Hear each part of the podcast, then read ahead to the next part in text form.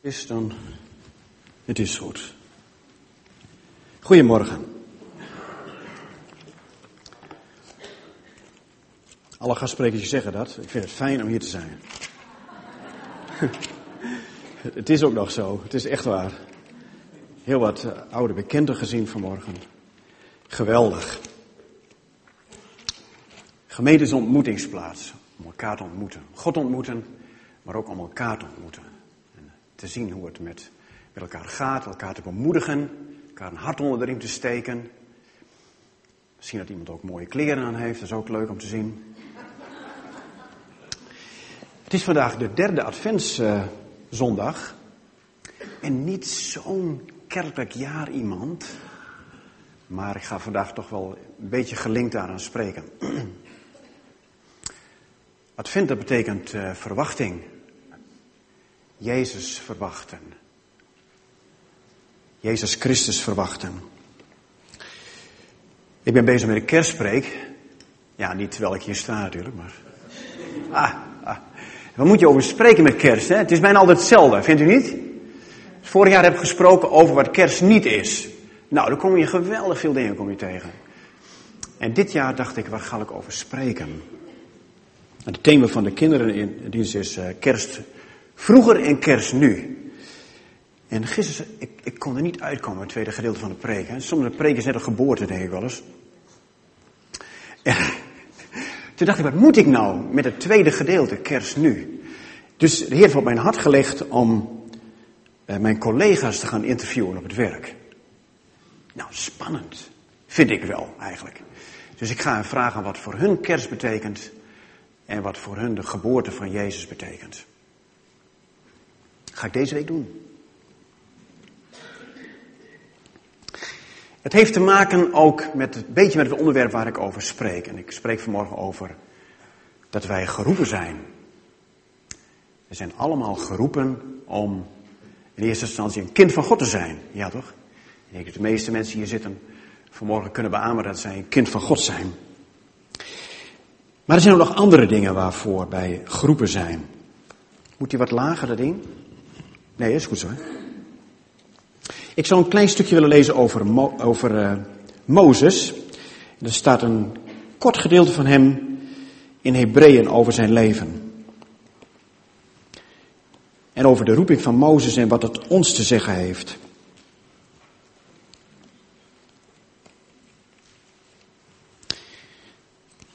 Ja, Hebreeën 11, en het gaat over de, wat mensen geloofd hebben. Hebreeën 11, vers, even kijken, 23. En ik lees het uit het boek. Omdat de ouders van Mozes op God vertrouwden, hebben zij hun kind, dat heel bijzonder was, drie maanden lang verborgen gehouden. Ze trokken zich niets aan van het bevel van de farao dat alle pasgeboren jongetjes verdronken moesten worden. En omdat Mozes op God vertrouwde, wilde hij, toen hij volwassen was geworden, niet voor een kleinzoon van de farao worden aangezien. Hij wilde liever met het volk van God slecht behandeld worden dan tijdelijk te genieten van de zonde. Hij vond het lijden voor Christus meer waard dan al de rijkdom van Egypte, want hij verwachtte dat God hem daarvoor zou belonen. En in dat vertrouwen verliet hij Egypte. Hij was niet bang voor de woede van de farao. Hij liet zich niet van de wijs brengen. Het was alsof hij steeds de onzichtbare God zag. Tot zover. Mozes, geroepen om gebruikt te worden een volk te bevrijden. Hele bijzondere roeping. En deze beroeping begint al heel vroeg jaren voor die brandende braamstuik. Drie maanden werd Mozes verborgen gehouden door zijn ouders. Waarom? Omdat zij zagen dat hij een schoon kind was. Alle pasgeboren kinderen, jongetjes, moesten in de Nijl gegooid worden. Die moesten daar verdronken worden.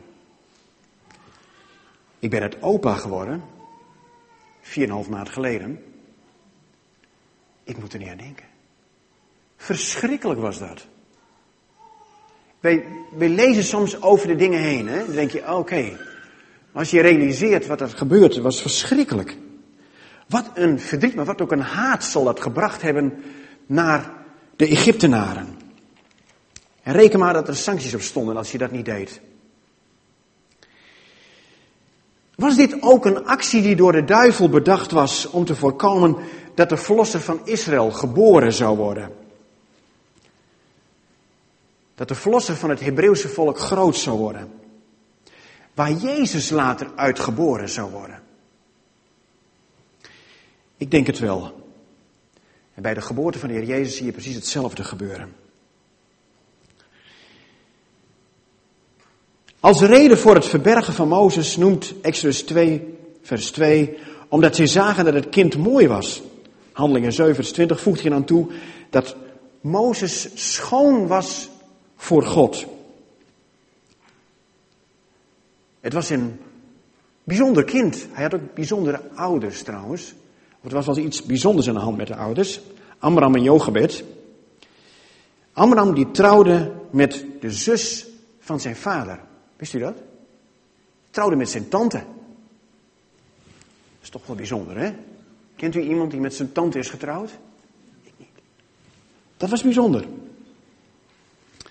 Maar goed, ik vond het leuk om te lezen. Ik dacht, ik meld dat even. Mozes en ouders hebben in deze schoonheid een teken gezien. Een speciale verkiezing door God. Misschien, ik weet het niet, de Bijbel zegt het niet.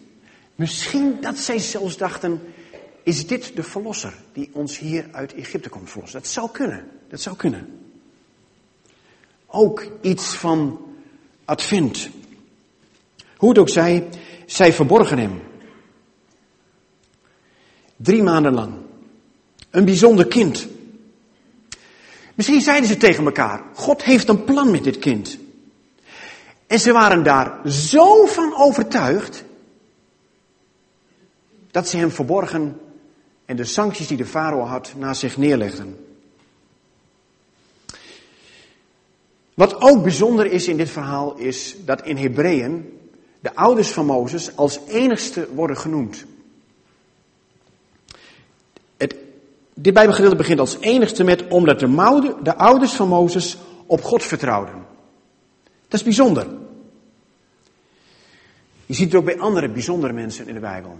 Simpson, Johannes de Doper, de Heer Jezus. En wanneer die kinderen geboren worden, is er iets heel bijzonders aan de hand. De ouders vertrouwen op God. Vertrouwen wij op God, wat onze kinderen betreft. Onze kleine kinderen, onze grotere kinderen of onze achterkleinkinderen. Staan wij op de bres, in de bres van onze kinderen? En waar blijkt dat dan uit?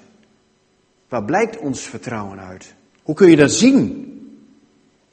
Hebben wij als ouders een inbreng in de roeping van onze kinderen? Zien wij de gaven en de talenten in onze kinderen? Proberen we dat te stimuleren? Dat ze dat ontwikkelen? Zodat ze het zelf ook gaan zien. Mozes was een bijzonder kind. Zijn ouders zagen dit. Onderkenden dit. Wellicht ook door de Heilige Geest. En zij handelden hier ook naar.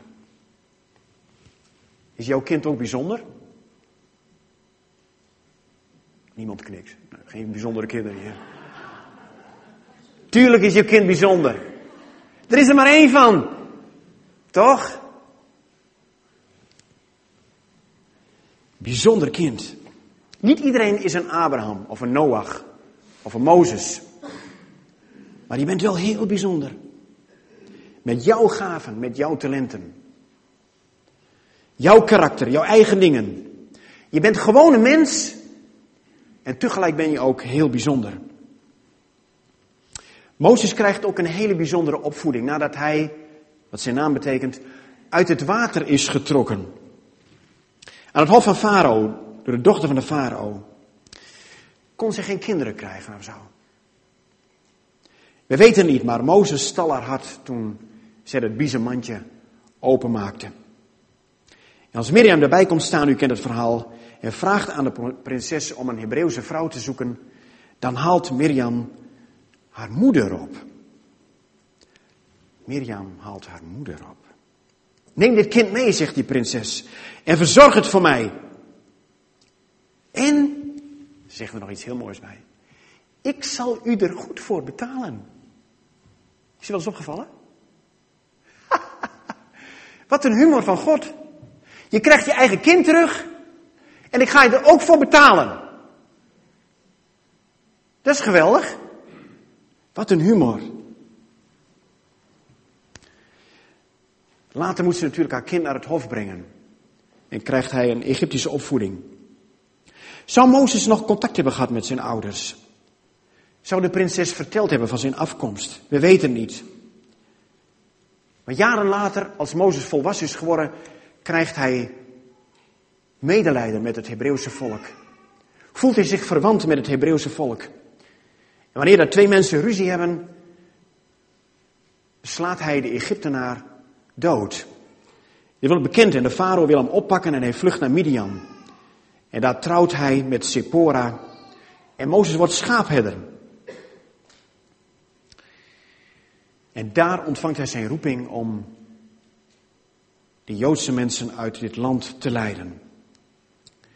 Hij ziet een doornstruik die in brand staat. Dat was niet zo bijzonder, dat gebeurt wel vaker daar. Maar een doornstruik is ongeveer in 10 of 20 seconden opgebrand. Deze niet. Dat is vreemd. En dan verschijnt er een engel in die brandende struik. Dat is ook vreemd. Sowieso heeft Mozes nog nooit een engel gezien, denk ik. Dat gebeurde niet elke dag. En dan ook nog in een brandende struik. En hij roept Mozes bij zijn naam. En dan zegt de engel een heleboel tegen hem. Maar onder andere op het laatst zegt hij tegen hem: Ik ga u nu naar de farao sturen. Om van hem te hijsen dat u mijn volk uit Egypte wegleidt. En wat er dan volgt is heel bijzonder. Vijf keer zegt Mozes dat hij niet de geschikte persoon is. De eerste keer zegt hij, maar dat kan ik helemaal niet. Daar ben ik helemaal niet geschikt voor.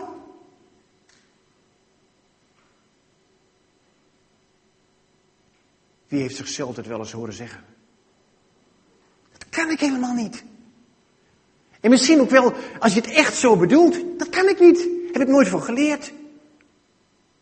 Daar ben ik niet geschikt voor. En dan zeg je er ook nog bij, wie ben ik? wie ben ik? Hoe vaak hoor ik mensen die zeggen, ja, wie ben ik? Ja, wie ben ik om daar wat van te zeggen? Hè?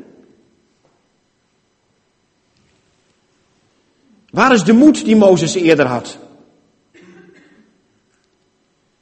Ongeschikt voor deze taak, voor deze roeping. God roept meer dan eens mensen die zich ongeschikt voelen en het wellicht ook zijn voor een bepaalde taak of een roeping. En ik zal u zeggen, dat is geen vergissing. Hierdoor komt des te scherper naar voren wie eigenlijk de uitkomst geeft. Wie krijgt dan de eer als iemand zegt van, ik kan het niet. Maar God heeft het door mij heen gedaan. God ontkracht Mozes zijn tegenwerping. En met nadruk geeft hij aan dat het slagen van opdracht niet afhangt van Mozes en zijn capaciteiten, maar van God zelf. Hij zal met Mozes zijn. Mozes roept het tweede niet geschikt argument. Hij is niet overtuigd. Hij is bang dat de Israëlieten hem behoorlijk sceptisch zullen zien in hun reactie op hem. Hij zegt dan ook, stel dat ik ga. Dat heb ik ook vaak gedacht. Stel dat ik nou ga, wat gaat er dan gebeuren? Stel dat ik ga.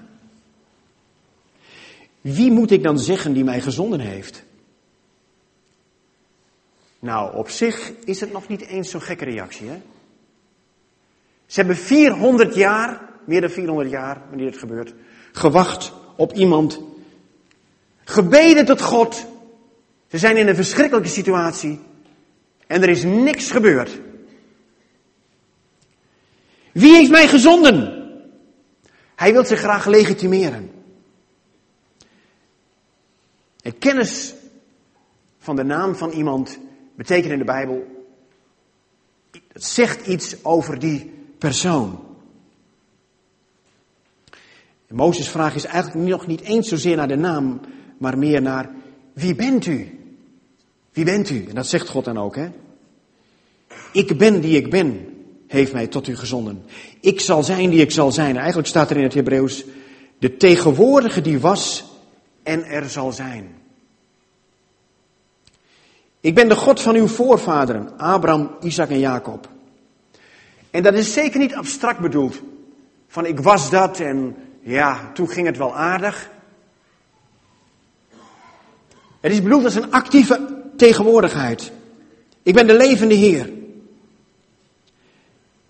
En, Mo en God herhaalt de roeping die Mozes heeft. Mozes zei evenwel, een derde niet geschikt argument, zij zullen mij niet geloven, zij zullen het niet doen. En zeker niet als ik het zeg. Ken je dat? Ken je dat? Iemand anders, ja, die kan het goed zeggen. Die kan het goed verwoorden. Maar ik niet. Mijn collega's zullen mij niet geloven. Als ik vertel over kerst en dat Jezus 2000 jaar geleden is gekomen om voor hen te sterven. Ze maken mij compleet belachelijk. Fluistert er iemand in mijn oor. Ken je dat?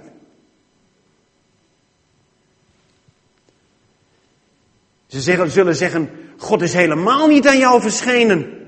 Hoe kom je erbij, man? Wie ben jij? Met andere woorden, ze geloven mij niet.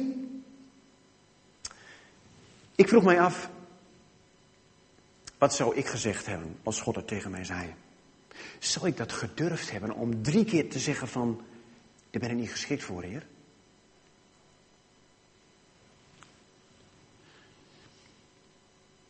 Aan de andere kant zegt dat wellicht ook iets over de macht van de farao in die tijd. Mozes wist dat als geen ander. Hij was geweest aan het hof. Hij hoefde maar met zijn vingers te knippen of je leefde niet meer. Mozes moet zijn staf op de grond gooien en dat wordt een slang. U kent dat. Hij moet zijn hand in zijn kleed steken en hij wordt melaats. En God zegt ook, ook tegen hem, gooi wat water op de grond en er wordt bloed. Nou, dan zul je denken van, dat is ongelooflijk zeg. Nou ben ik goed voorbereid. Nou ben ik er klaar voor. Dat moet zelfs de meest sceptische mensen overtuigen. Maar Mozes komt met zijn vierde niet geschikte argument. Maar Mozes smeekte, och mijn Heer, ik ben helemaal geen goed spreker. Ik kan helemaal niet goed spreken. Kunt u ook niet zo goed spreken? Ik denk na die tijd altijd van, uh, oh ik had beter dat kunnen zeggen. Of uh, had ik dat maar gezegd? Of iemand anders zegt tegen mij, je had dat ook kunnen zeggen. Ken je dat? Na die tijd, hè? Niet toen, maar na die tijd. Weet je, de grootste wapen in de handen van de tegenstander, weet u wat het is? Dat is ontmoediging. Ontmoediging. We zijn vandaag bij elkaar om elkaar te bemoedigen. En tegenover ontmoediging, als iemand een negatieve opmerking naar jou maakt, moeten eigenlijk haast alweer vijf positieve opmerkingen staan. Wist u dat? Ontmoedigend is een heel sterk wapen. Dat moet je niet onderschatten. En Mozes die was duidelijk niet nog zodanig bemoedigd dat hij zegt, ik ga ervoor. Ik ben helemaal geen goed spreker. In de grondtekst staat, ik kom moeilijk uit mijn woorden en af en toe stotter ik. Ik ben zwaar van mond, zwaar van toon. En dan moet u weten dat het spreken in het openbaar aan de hof van Egypte in die tijd een heel belangrijk onderdeel vormde op de opleidingen daar. Het kan natuurlijk zijn dat Mozes een slechte leerling is geweest. dat weten we niet. Maar het was een onderdeel van zijn opvoeding geweest. God zegt tegen Mozes, wie heeft de mens een mond gegeven? Ben ik dat niet? Vooruit, zoek niet langer naar uitvluchten. Ik zal u helpen met spreken en u vertellen wat u, wat jij moet zeggen. En dan komt Mozes met zijn vijfde niet geschikte argument. Hij is nog steeds niet overtuigd. Waarvan is hij niet overtuigd eigenlijk? Ik denk van zijn roeping. Hij is er niet van overtuigd. Om al die argumenten die ik net genoemd heb. Wellicht ben jij ook niet overtuigd van je roeping. Ben je van overtuigd dat God jou geroepen heeft? Hoe kunnen mensen dat zien? Hoe nemen mensen dat waar? Heer, stuur toch alstublieft iemand anders. Maar nu is Gods geduld met hem afgelopen. Toen werd God boos op hem.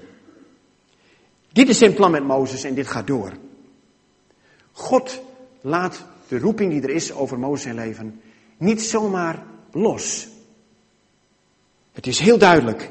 Ik heb jou geroepen en niemand anders. Hij komt Mozes dan wel tegemoet. Zijn broer mag met hem meegaan. Die zal in zijn plaats spreken. En zo zal hij niet alleen zijn. Maar het meegaan van Aaron ontslaat Mozes niet van zijn roeping. Mozes gaat. En God gaat met hem mee, elke keer weer. Naar de farao. Met al die vreselijke plagen die er komen. Tot de laatste plaag aan toe, waarbij alle eerstgeborenen van mens en dier komen te overlijden. En dan komt die uittocht uit Egypte. Door de Dode Zee. Geweldig feest daarna. De wetgeving. Het murmureren, zoals de Bijbel dat zo mooi zegt, van de Israëlieten. Het dorst hebben, het honger hebben. Door de woestijn. Mozes maakt het allemaal mee. Een heel bijzonder leven heeft Mozes gehad. Heel bijzonder leven. En God was met hem. Hij leidde hem. Hij bemoedigde hem. God corrigeerde hem. God zei tegen hem: Spreek tot de rots. En één keer deed Mozes niet wat God zei. Hij sloeg tegen de rots. Dat was de reden dat hij niet kwam in het beloofde land. Tot slot wil ik deze illustratie vertellen. Het is denk ik ongeveer 50 jaar geleden, toen er drie broertjes op een sluisdeur zaten ergens in Nederland. Het was mooi weer en ze zaten met de voeten in het water, met de laarzen aan. En uh, ik weet niet hoe het kwam, maar een van de broertjes die leunde waarschijnlijk naar voren en die viel in het water. In die diepe sluis. Ze waren ongeveer 6, 7 jaar oud, konden niet zwemmen. Dus hij begon te verdrinken. Hij ging onder en hij kwam weer boven. En de andere twee broertjes waren helemaal in paniek, dat snapt u. Ze renden de straat op, maar ja, het was 1960, 61. Er waren nog niet zoveel auto. Er kwam één auto aanrijden, een Volkswagen kevertje. En die meneer stopte en zei, wat is er aan de hand? Mijn broertje ligt in het water, zeiden ze. Die meneer rende naar de sluis en hij zag nog één hand boven het water. En hij greep die hand en hij trok die jongen eruit. En die jongen, dat was ik. God heeft mij uit het water getrokken. Daar houdt dan ook ieder vergelijking met Mozes op. Maar het is wel zo. God heeft mij uit het water getrokken. Heel bijzonder. Eén moment later, en ik was er niet meer geweest.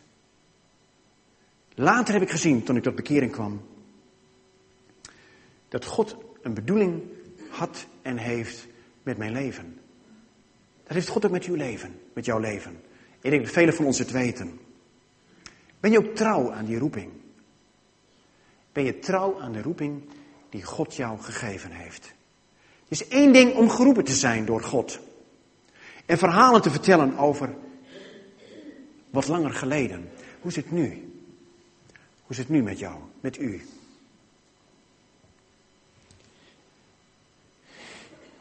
We kunnen soms van alles bedenken, wij kunnen ook van alles meemaken. Waardoor de trouw aan datgene wat God ons heeft laten zien op de achtergrond raakt. En dat kunnen hele moeilijke dingen zijn. Ik zie veel mensen om mij heen, ook in christelijk Nederland, die teleurgesteld zijn.